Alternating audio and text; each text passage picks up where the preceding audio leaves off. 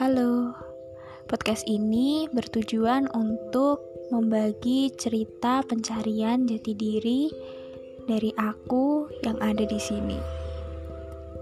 Semoga bisa menemani.